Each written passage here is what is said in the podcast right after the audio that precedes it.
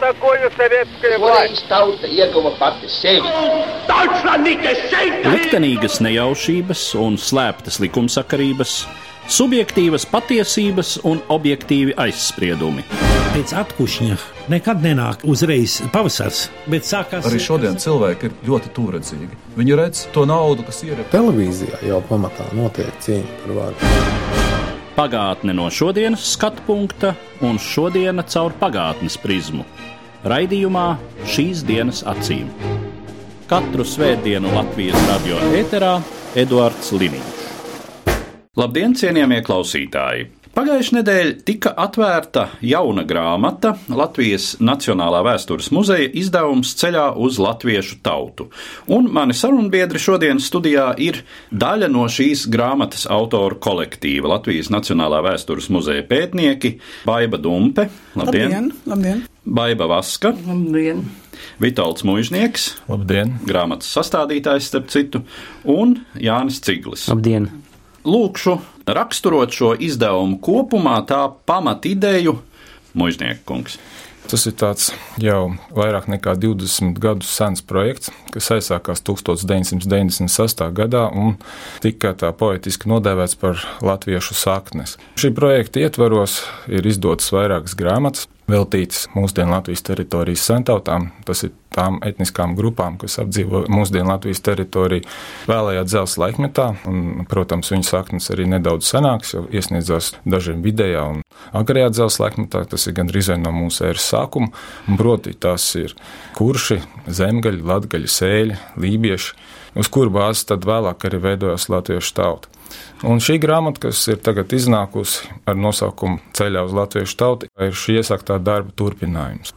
2015. gada 28. oktobrī tika atklāta Latvijas Nacionālā vēstures muzeja telpās izstāde. Ceļā uz Latviešu tautu bija apskatām šī izstāde līdz 2016. gada nogalē. Un grāmatā pamatā ir izklāstīta galvenokārt šīs izstādes koncepcija tādā izvērstā veidā. Mēs gribējām parādīt kā notiek latviešu tautas veidošanās uz šo vēlā dzelzceļa laikmeta etnisko grupu bāzes.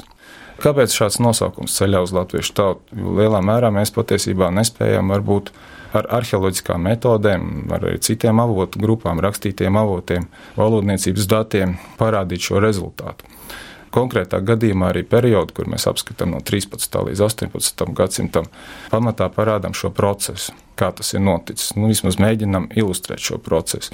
Tātad galvenais avots tomēr šajā darbā, ņemot arī vērā mūsu intereses un specifiku, proti, ka esam Nacionālā vēstures muzeja arheoloģijas departamenta pārstāvi, tad pamatā tēmas izklāsts ir veikts balstoties uz arheoloģiskajām liecībām. Grāmatā ir vairāki raksti, kas ir veltīti atsevišķiem pamatā materiālās kultūras fenomeniem. Dumpes kundze ir pētījusi sadzīves kultūru un konkrēti podniecību, tātad keramiku gadsimtu gaitā. Vaskas kundze ir pētījusi rotas un ornamentus. Kā jūs raksturotu šai materiālajā kultūrā, kur mēs atrodam to integrācijas procesu, kā mēs uz to skatāmies caur šiem materiāliem fenomeniem? Keramika ir viena no apjomīgākajām arheoloģisko materiālu grupām. Un es vienmēr saku, ka keramika ir divas dabas. No vienas puses, keramika rāda mums to, kā ir lietoti trauki vai dažādi māla izstrādājumi sadzīvē, svētkos, interjeros, un no otras puses, keramika rāda arī to, kas šos traukus ir izgatavojis kā viņi ir izplatījušies, no kurienes viņi ir nākuši. Un, ja robežas attēlo politiskās norises, tad keramikā ļoti spilgti atspoguļojas ekonomiskā teritorija, saimnieciskā teritorija. Dažos gadījumos keramika arī kļūst par kaut kāda etniska grupējuma izpausmes formu spilgtu, bet tas nevienmēr tā notiek. Visvairāk šī gadījumā viduslaiku un jauno laiku keramikā mēs redzam to, kā mainās šīs ekonomiskās saskarsmes zonas apgabali. Amatnieki pārvietojas Eiropas telpā, kā vietējās sentautas apgūst vidus Eiropas podniecības tradīcijas. Kad tas notiek? Un tad var aizdomāties, kāpēc tas notiek. Sākumā, protams, pirmajos gadsimtos vēl ar vienu turpinās senā tradīcija. Viņa acīm redzami pagrimst te tomēr bija arī baltvācieši. Pēc krusta kariem, un šis baltvāciešu iespējas attiecībā uz rotu izgatavošanu arvien vairāk nostiprinājās. Un integrācija, lai cik dīvaini tas nebūtu, parādās tiešām arī Livonijas laikā, bet viņa parādās ar uh, pilsētu rotām, kas nes sevi rietumē Eiropas tradīciju arī kas ir saistīts ar reliģiju, ar reliģiskiem uzrakstiem, piemēram, Ave Marijas saktas, kas arī nāk no rietuma Eiropas. Šis sakts reliģiskajiem uzrakstiem kas acīm redzot tika uztverti kā amuleti. Bet 14. gadsimta beigās, 15. gadsimta sākumā viņas ir izplatītas jau vietējo iedzīvotāju vidū. Un tiešām arī tas ir diezgan interesanti, ka Livonijas sabrukumu arī tiešām šī vienādā pilsētu tradīcija Latvijas lauku iedzīvotāju vidū izbeidzās un sākās atšķirības. Zviedru vidzemē mazliet atšķirīgi atšķirīgāk, kurzemē ir atšķirīgāk. Un Latgalē, kas ir palikusi poļu varā, un kur arī Krievu iebrukums ir savā laiku, kur ir izpostījis, tur mums faktiski nav materiāla. Tur acīm redzot, nabadzība ir tik liela, amatniecība ir iznīkusi vietējā un pilsētā pasūtīt rotas viņi laikam vienkārši ekonomiski nespēja atļauties. Tāds tā manā skatījumā ir tā integrācija. Jā, tātad tas, kas arī parādās jūsu skatījumā, ir, ka ir tādas materiālās kultūras jomas, kuras mainās ļoti strauji, sekojot politiskām, ekonomiskām pārmaiņām. Nu, šī varētu būt viena no tām. Ja nu mēs skatāmies kopā uz šo ainu, Un, kā zināms, secinājumus mēs parasti izdarām vadoties no materiālās kultūras un arheoloģijas atradumiem, no rakstītiem avotiem, protams, un trešais nozīmīgais avots - tie ir valodniecības dati un tas, ko valodnieki secina. Pirmām kārtām jau par pagājušā gadsimta pirmajā pusē fiksēto dialektu situāciju Latvijā, kad šie dialekti vēl bija ļoti izteikti teritoriāli nodalāmi. Cik lielā mērā šobrīd, un konkrēti šajā grāmatā, jums tā vienkārši sakot, iet kopā tas, ko jūs secināt no arheoloģiskā materiāla, un tas, ko secina valodnieki par šīm Latvijas pirmtautām, cik lielā mērā mēs varam runāt par materiālās kultūras un valodas integritāti, skatoties uz šīm senajām pirmtautām veidojot izstādi un arī gatavojot šo grāmatu, mēs izgājām no vairākām pazīmēm, kas tad raksturo etnosu, kas raksturo etnisko grupu, un to tajā gadījumā latviešu. Proti, tā ir šī dzīves telpa, tās ir kādas materiālās kultūras pazīmes, tur apģērbs, rotas, ornaments, keramika un droši vien vēl daudz citas varētu uzskaitīt, kas viņas atšķir no citām etniskām grupām. Tā ir valoda, arī pašnosaukums un kā pēdējais varbūt būtu svarīgākais jāmin šī pašapziņas veidošanās, kas varbūt ir pamats visā. Ja mēs skatāmies uz šo materiālo kultūru un valodniecības datiem, tad abās avotu grupās parādās viena tā pati aina arī materiālā kultūrā nevarētu teikt, ka notiek kāda ļoti liela unificēšanās. Kā mēs zinām, līdz pat mūsdienām, arī 19. gadsimtā pēc etnogrāfiskā materiāla tika izdalīta Latvijas kultūra vēsturiskie apgabali - Latgals, Ēlija, Vidzem, Kurzem, izņemot Vidzem, kas ir veidojusies eh, Polijas, Zviedrijas kala rezultātā, pārējie kultūra vēsturiskie apgabali tomēr lielā mērā sakrīt ar šīm dzelzceļa centautu apdzīvotājiem etniskajām teritorijām. Un cauri gadsimtiem, arī viduslaikos, tā skaitā vēl diezgan spilgti saglabājās vēlā dzelzceļa laikmeta materiālā kultūra un kaut vai kurš apdzīvotā teritorijā, it īpaši sieviešu rotu kompleksos, tas ir izsekojams līdz 16. gadsimtam. Šur tur varbūt zemgalē jau pazūd šīs atšķirības 15. gadsimtā, bet kurzemē un arī vidzemē Tas ir izsekojums, un šīs atšķirības saglabājas arī etnogrāfijā. Tas pats lielā mērā arī atspoguļojas valodā, šajos dialektos, kādos runā. Tad Latvijas teritorijā tiek izdalīti trīs šie dialekti - augšzemnieku, vidusdialekts un lībiskais dialekts, tad latviešu valodas lībiešu dialekts. Tas lielā mērā atspoguļo arī šo sakrīt ar šo sentautu apdzīvoto teritoriju, un vienīgi vidusdialekts lielā mērā gūst virsroku gan zemgaļa apdzīvotā teritorijā, gan vidzemes daļā, gan arī kurzemē. Tad ir jautājums, kā tas ir noticis. Varbūt tas ir tiešām tas viduslaika nopelns, varbūt arī vēlāk laika nopelns. Lai gan, ja mēs paskatāmies, ko mums rakstā 16. un 17. gadsimta autori, tad viņi vēl tajā laikā izšķir vairākas valodas, kādās runāja mūsdienu Latvijas teritorijā, sākot ar Einhornu, Paulu Einhornu, kurzemes zemgales hercogistu superintendentu, jo nostiprināts šis viedoklis, ka tomēr ir šīs divas valodas - igauņu un latviešu. Protams, ar dialektiem, un kopš šī laika situācija būtiski nav mainījusies. Līdz pat 19. gadsimtam, tad, kad jau valodnieki, zinātnieki jau mēģina noskaidrot šīs valodas izplatību, un pēc kurām tad lielā mērā tika noteikti arī latviešu etniski apdzīvotā teritorija. Mēs jau līdz šim runājot, esam pieskārušies tiem nozīmīgākajiem faktoriem, kas tad jūsu skatījumā integrēja Latvijas teritorijas pirmtautas vienā veselumā, kuru mēs šodien saucam par latviešu tautu, par latviešu nāciju.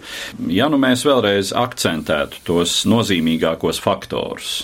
Vispirms jau tā ir teritorija, kur latviešu tauta veidojās. Tā ir zināmā mērā mūsdienu Latvijas teritorija ar konkrētām robežām.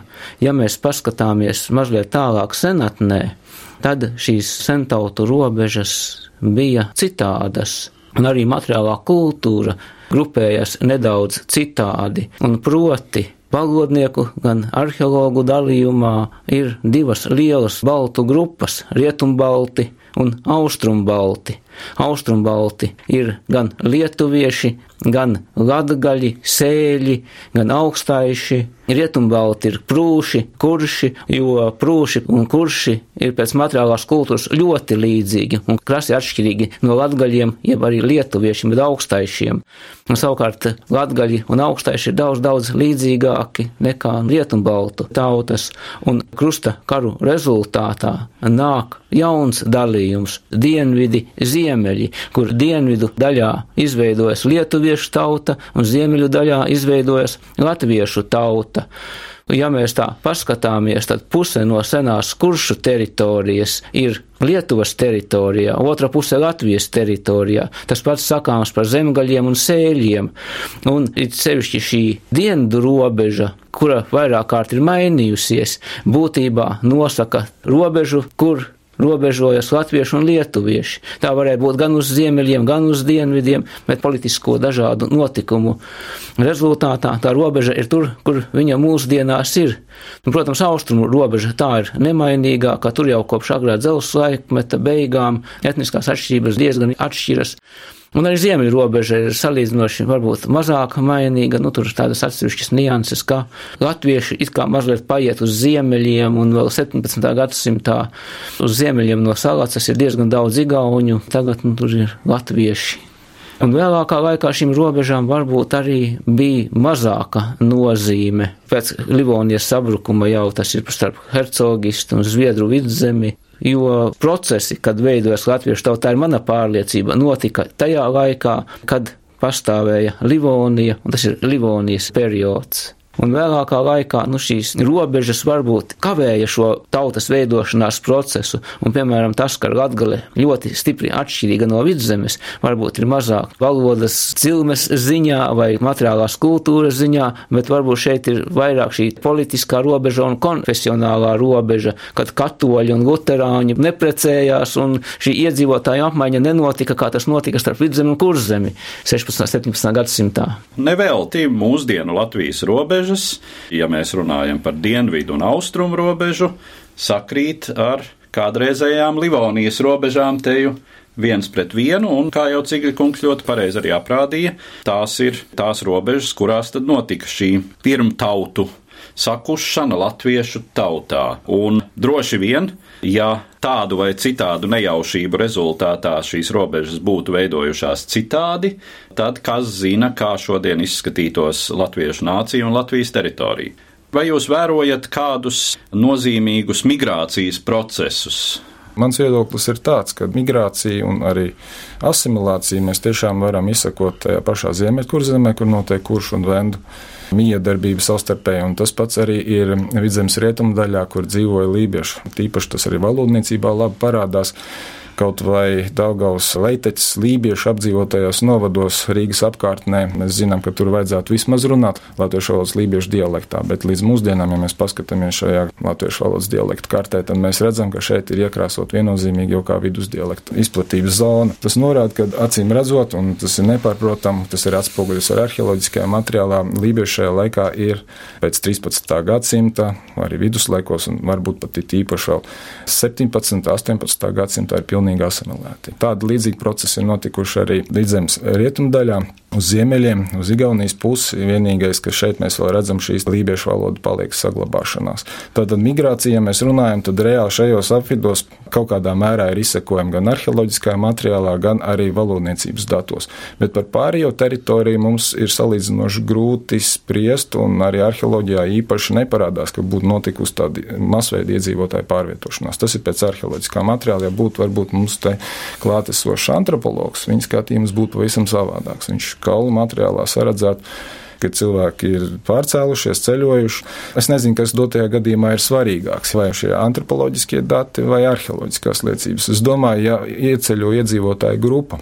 Viņi var kaut kādā brīdī, protams, arī zaudēt savu šo materiālo kultūru, kādu viņi ir ilgākā laika posmā. Es nedomāju, ka tas notiek sākotnēji. Un vēsturiskie laiki ir tādi, ka parādās šie atsevišķi etnisko grupu, tīpaši viduslaikos, sieviešu abadījumi, arī, piemēram, latgaļu sieviešu abadījumi kurzemes teritorijā, jā, vai zemgals teritorijā, vai arī pretēji zemgaļu sieviešu abadījumi kurzemē vai vidzemes teritorijā. Tādi momenti atsevišķi parādās, bet iespējams, ja šī sieviete ir tikko ieprecēta un arī ātri nomirusi, tad viņa attiecīgi ir apglabāta ar to, ar ko viņa šeit pārcēlusies. Bet ja viņi dzīvot ilgi šajā kopienā, protams, ka viņi nesaglabātu šo materiālo kultūru, un to mēs arī arheoloģiski arheoloģiskā materiālā nespētu izsekot. Bet, ja mēs arī vēl pievēršamies rakstīto avotu ziņām, tad jau arī neparādās mums tāda masveida migrācija. Rakstītie avoti arī par to nerunā. Ir atsevišķas kopienas, tur lībieši dzīvo kurzemē, vai kurš dzīvo vidzemē, vai zemgaļa vidzemē un otrādi, ja latgaļa zemgalē. Tad tas ir tāds mazas saliņas lielā masā. Tādēļ ir šie Latvijas teritorijas kultūrvēturiskie apgabali, kas tomēr saglabā šīs vēlā dzelzceļa laikmeta tradīcijas. Nedomāju, ka migrācija bija tik visaptveroša, ka tiešām visi sajaucās, asimilējās un uz tās bāzes izveidojās latviešu tauta. Migrācija tomēr parādās Zviedru ārku revīzijas vidzemē. Tur Aina Kurlanda, Raina Kunvādera un tur savā rakstā Aleksandrs Jansons un Ansītis apskatījuši vidzemi un tur dažās draudzēs parādās ļoti liels. Tātad 17. gadsimts. Jā, 17. gadsimts. Tas ir, ko mēs pēc rakstītajiem avotiem. Otrs ir tas, ka 14. gadsimts būtībā ir nepārtrauktu krusta karu periods starp Livoniju un Lietuvu. Un, ja mēs skatāmies šo arheoloģisko materiālu, tad šī dienvidu pierobeža ir salīdzinoši tukša.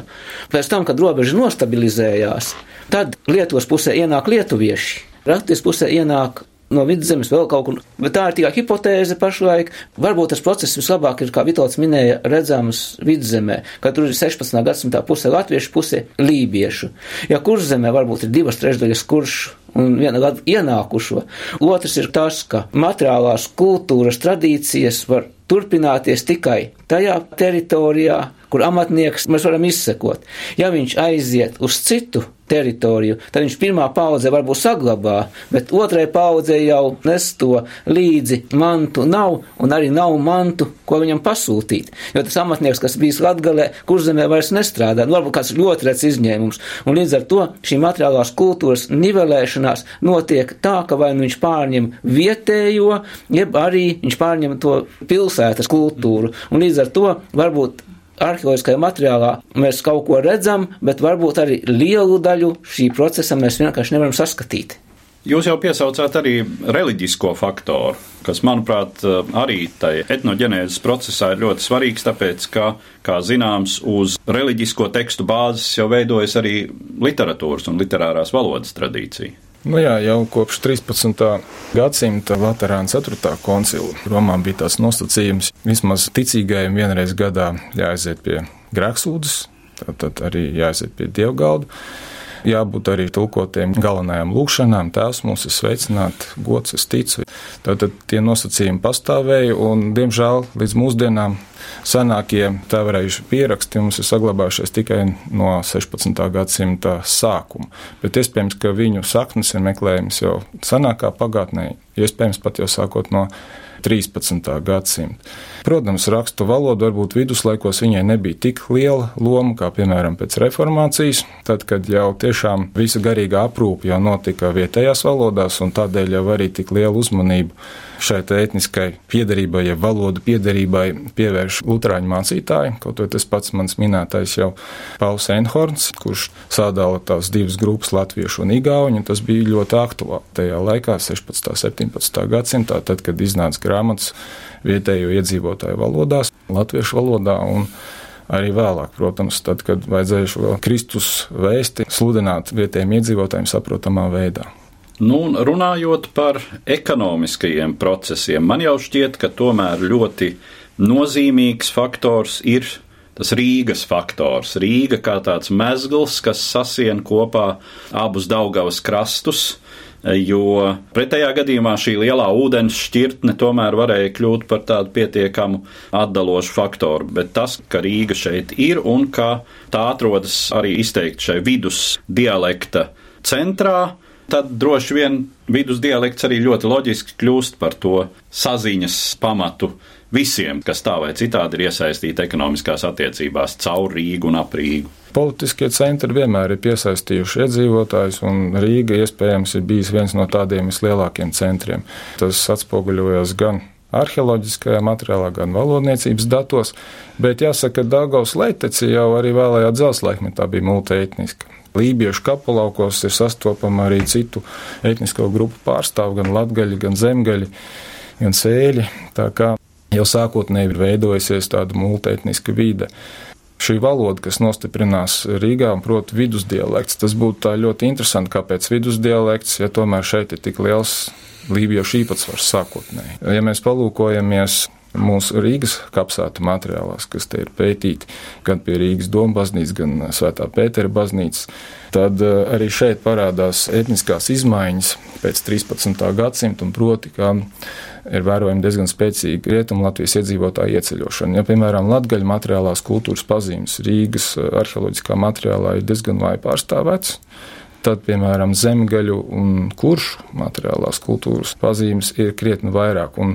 pie Rīgas doma baznīcas ir izpētīta vairāk šādu zemgaļiem tieši raksturīgu materiālo kultūru apbedījumu, gan arī ar rotām, kas raksturīgas kurzemes teritorijai. Tāpat arī pie Pētera baznīcas ir atsekti šādi sieviešu kapi no 13. un 14. gadsimta mīs. Tad, kad šie iedzīvotāji acīm redzot integrējās vietējā pilsētas sabiedrībā, tad arī šīs lokālās rotas, ko viņi nes līdz kā lauka iedzīvotāji kaut kādā brīdī arī iziet no aprites un mainās mode, ja, un viņi arī šo etniskumu, ko viņi nes līdzi zaudē. Un ja mēs arī paskatāmies rakstītojos avotos, kaut vai Rīgas parādnieku grāmatā, mēs arī šeit redzēsim vairāku etnisko pārstāvju uzskaitījumu, gan zemgaļu, gan kuršu, gan letu, kuri tad ir kaut kādā mērā aizņēmušies naudu un acīm redzot šeit ir dzīvojuši vai uzturējušies. Rīgas pilsētai bija teritorijas lauku, tā mazāk kas apkārt, bet uh, vēlāk viņa tās savas teritorijas zaudēja, un pamat teritorija jau viņai bija zemgalē, austrum zemgalē, un viena liela daļa Rīgas latviešu iedzīvotāji varētu nākt tieši no šīs teritorijas, un tas arī varbūt ir tas pamats, kādēļ tieši zemgaliskās vidusdialekta izloksnes ir pamatā šai latviešu literārai valodai, jo tā kļuva par Rīgas latviešu valodu. No cita aspekta paskatoties, mēs ļoti daudz runājam par valodu, lai gan patiesībā mēs par to nevarētu neko daudz pateikt, pētot arheoloģiskos materiālus. Ieskatoties keramikas atradumos, savukārt parādās tāda aina, ka tanī laikā 13. gadsimtā faktiski jau 12. Latvijas teritorijā var saskatīt to vienojošo elementu, respektīvi saimnieciskās darbības veida unificēšanos, vienādību. Tā ir diezgan plaša teritorija, ne tikai mūsdienu Latvijas teritoriju ietvarot, bet tāpat tas ir Igaunijas teritorijā, tāpat Krievijas apgabalos iegulošajos. Bet runājot par Latvijas teritoriju, tad, tad latgaļi, lībieši, vendi un sēļi un zemgaļi izgatavoja samērā vienādu keramiku, kuru pat ir grūti atšķirt reģionāli un sameklēt viņā kādas šīs etniskās atšķirības. Tas nozīmē, ka Tā pirmkārt ir amatnieku darināta keramika, un tas nozīmē, ka šī telpa bija amatnieku saskarsmei diezgan pieejama vienādi. Un arī saimnieciskajā ziņā šie trauki tika vienādā veidā izmantoti. Atšķirības ir kuršu teritorija, kuri saglabā ļoti ilgi savu saimniecisko patstāvību, neatkarību, un keramikā to ļoti labi var redzēt. Un tas saglabājas līdz pat 14. gadsimtam faktiski. Kamēr izveidojās šīs Livonijas robežas nostabilizējušās un šī situācija pamazām, pamazām mainās, un attiecīgi jaunās politiskās robežas kas arī ekonomiku regulē, rada izmaiņas keramikas stilistikā, kas atkal atspoguļo šo iekšējo robežu ekonomisko vienādošanos. Un tad runājot par pilsētām, par Rīgu, Bausku, kaut vai Ventspili, par tām vietām, kur ir vairāk pētīti arheoloģiski. Tur mēs redzam, Rīgā varbūt vispirmkārt, amatnieku ieceļošanu, kuri izgatavo keramiku pēc vācu tradīcijām, pēc vidusēropas tradīcijām, bet interesantākais ir tas, ka viduslaiku posmā šīs ieceļojušo amatnieku tradīcijas vietējie amatnieki nepārņem. Viņi turpina neatkarīgi izgatavot tādus traukus savā ierastajā tehnikā, ierastajā stilistikā, un tikai pēc Livonijas kara ir saskatāmas pazīmes, kad šīs visas amatniecības tehnikas sāk sajaukties savā starpā. Un tas attiecīgi ļoti labi saskan gan ar to, ko mēs zinām par politiskajām norisēm, un arī par citām materiālu atradumu grupām. Rīgu ir ļoti sarežģīti. 13. un 14. gadsimtā kopīgais parādās tādas pašas saktiņas, teiksim, rotas, kā tiek atrasts Rīgā, tiek atrasts šur tur kapos, bet viņas varbūt ir vispār ievestas kaut kur no Ziemēvācijas. Bet tad, kad it kā 14. un 15. gadsimtā nostiprinās Livonijas saktas ar uzrakstu Ave Marija, mums nav nekādu pieturas punktu, lai mēs varētu teikt, ka viņas nākušas no Rīgas ir. Pirmkārt, viņas masveidā ir kurzemē atrastas. Un Rīgā nav zinām neviena patreiz tāda sakta, bet viņas ir Igaunijā. It kā viņas ir vietējas, pat kaut kur ir paspīdējis tāds viedoklis, ka par cik Livonija tika uzskatīta par Māras zemi, jeb Svētās Marijas protektorātu, ka šie uzraksti Ave Marija, kas ir ļoti daudz uz tām saktām, ka tie nozīmē šo Livonijas piedarību, bet nav atrasta nekur nevienā vietā nekāda darbnīca, kur viņas būtu izgatavotas. Viņas ir atlietas lejamvēdnēs, mums vajadzēja kaut kur atrast lejamvēdņu, šīs lejamvēdnes nav Latvijā pagaidām. Nu, var jau būt pēkšņi atrodās. Bet līdz ar to mēs nevaram teikt tā īsti, kad viņas ir izgatavotas Rīgā un no Rīgas izplatījušās tālāk, lai gan teorētiski tas varētu būt. Nu, Rīga ļoti tiešām dominējoši, bet tas arī tikai attiecībā uz vidzemi ir Zviedru laikos, kad acīm redzot viss, ko mēs depozītos atrodam, šīs sudraba burbuļs saktas, kas ir 17. gadsimta pirmās puses un tieši saistīts ar Zviedru laikiem, tās gan visas ir izgatavotas Rīgā bet ir arī citi amatniecības centri. Un kurzemēji sevišķi daudz amatnieki ir darbojušies pie mūžām un pilsētās, tā kā manā materiālā it kā to Rīgas nozīme laikam nevarētu pārspīlēt. Novērtējot visus šos faktorus - materiālo kultūru, valodu un to, ko mēs varam spriest par pašapziņas momentiem, tad kurā brīdī chronoloģiski jūs teiktu, ka šajā teritorijā dzīvojošie sevi sāk saskatīt kā latviešus. Diezgan sarežģīti šo jautājumu atbildēt, tādēļ arī grāmatas nosaukums ir ceļā uz latviešu tautu un tiek apskatīts tik plašs periods no 13. līdz pat 18. varbūt 19. gadsimta sākumam. Problēma jau pašā nosaukumā latviešu, no kā viņš ceļās. Par latviešiem droši vien sevi jau ir dēvējuši kaut vai tie paši, varbūt latgaļi jau 13. gadsimtā, bet jautājums ir dotajā gadījumā, kurā brīdī šīs apzīmējums kļūst par visaptverošu. Es domāju, ka visas šīs pazīmes, ko mēs te minējam, arī valodā skaitā, nu, valoda ir tīpaši, tas ir līdzeklis, kādā veidā notiek latviešu it kā tāda konsolidēšana. Un pamatā tomēr ir šī pašapziņas veidošanās, tas jau lielā mērā ir 19. gadsimts atmodas laikmets, tad, kad tiek celtas augšā senās vērtības, tā skaitā arī šī mūsu raksturojošā materiālā kultūra, tradīcijas, reliģija kas varbūt koncentrējās tajā brīdī vairāk uz šo pagānisko, kur tiek meklēts tas senais. Tās ir tās vērtības, kur tad sāk latvieši sevi asociēt. Un valoda un viss šis saziņu līdzeklis ir tas veids, kā tas notiek. Pamatā ir šī pašapziņas veidošana, un tad, kad mēs sākam apzināties, ka mēs esam kaut kas vienots, tad arī varbūt mēs varam sākt runāt par latviešiem tādā plašākā nozīmē. Ar tādu secinājumu tad es arī gribētu noslēgt mūsu šodienas sarunu un saku paldies maniem sarunbiedriem, grāmatas ceļā uz latviešu tautu autoriem un Latvijas Nacionālā vēstures muzeja pētniekiem Baibai Vaskai, Baibai Dumpei, Vitoldam Mužniekam un Jānim Ciglim. Paldies! Katru svētdienu Latvijas radio viens par pagātni sarunājas Eduards Līniju.